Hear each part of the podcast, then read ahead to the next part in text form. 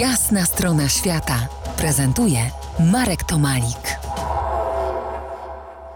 Po jasnej stronie świata Radosław Nawrot, dziennikarz sportowy i przyrodniczy, autor książki Australia No Worries, część pierwsza Tasmania. Radku, o ile o wilku workowym się wiele nasłuchałem, diabłów tasmańskich przez ścianę namiotu aż nad wyraz doświadczyłem, to nie było mi dane spotkać wzrokiem dwóch najsłynniejszych dziwolągów tasmańskiej fauny, i dziobaka i kolczatki. Dlaczego? No, to nie jest takie proste. W gruncie rzeczy e, jedno i drugie zwierzę potrafi się przed człowiekiem schować gdzieś tam w gąszczu leśnym. Ale tak ja mam, tutaj taki, ja mam tutaj taki bardzo prosty excuse. I dziobak i kolczatka prowadzą raczej nocny tryb życia, a ja w nocy lubię spać. No na przykład, tak. Zresztą e, kolczatki, to zapewne, zapewne o niej usłyszy, bo kolczatka też, jak bardzo wiele zwierząt tasmańskich, jest obecna w mitach i w legendach i w opowieściach ludzi, którzy tam żyją. A dlatego jest obecna, ponieważ, no cóż, to są, to są i dziobak i kolczatka, to są ssaki, które znoszą jaja.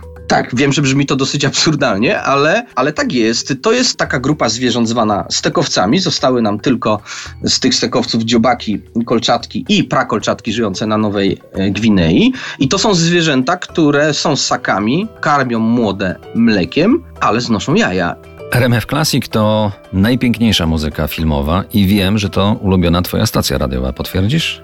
Oj tak, tak, bez, bez dwóch zdań potwierdzam.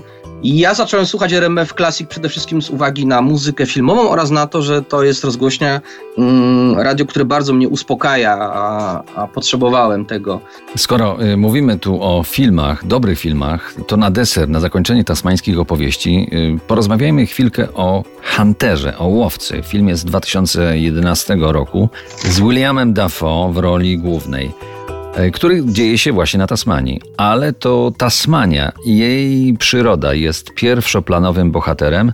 Dafoe z pokorą schodzi w cień, w cień tej przyrody, nie uważasz? Uważam i ten film zrobił na mnie ogromne wrażenie, bo ja nie przypuszczałem zrobić z filmu przyrodniczego coś tak niesamowitego, bo to jest film, który łączy ze sobą elementy kina przyrodniczego z, y, nie wiem, przygodowym, nawet chyba z elementami thrillera, bym powiedział, w tym miejscu jest. Ja, ja bym bardzo chciał, żeby Państwo spróbowali ten film obejrzeć, bo ale obejrzeć go właśnie tak, jak się słucha RMF Classic, na spokoju, Tasmania należy do najbardziej dzikich zakątków na Ziemi. Są tam miejsca, jestem o tym głęboko przekonany, że stopa ludzka nigdy nie stanęła, nawet ta aborygeńska. W mojej pamięci to najpiękniejszy las, jaki dotknęła moja stopa, a przeszedłem tam ponad 100 kilometrów. Warto dodać, że Tasmania to wyspa, na, która ma powierzchnię około 1 trzeciej Polski.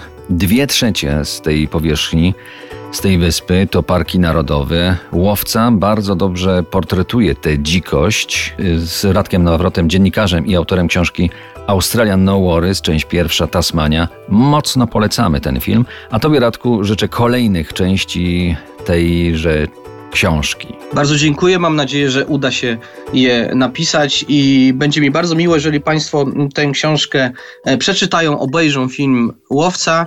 No to pożegnajmy się po australijsku. No worries, mate. No worries, mate. To była jasna strona świata w RMF Classic.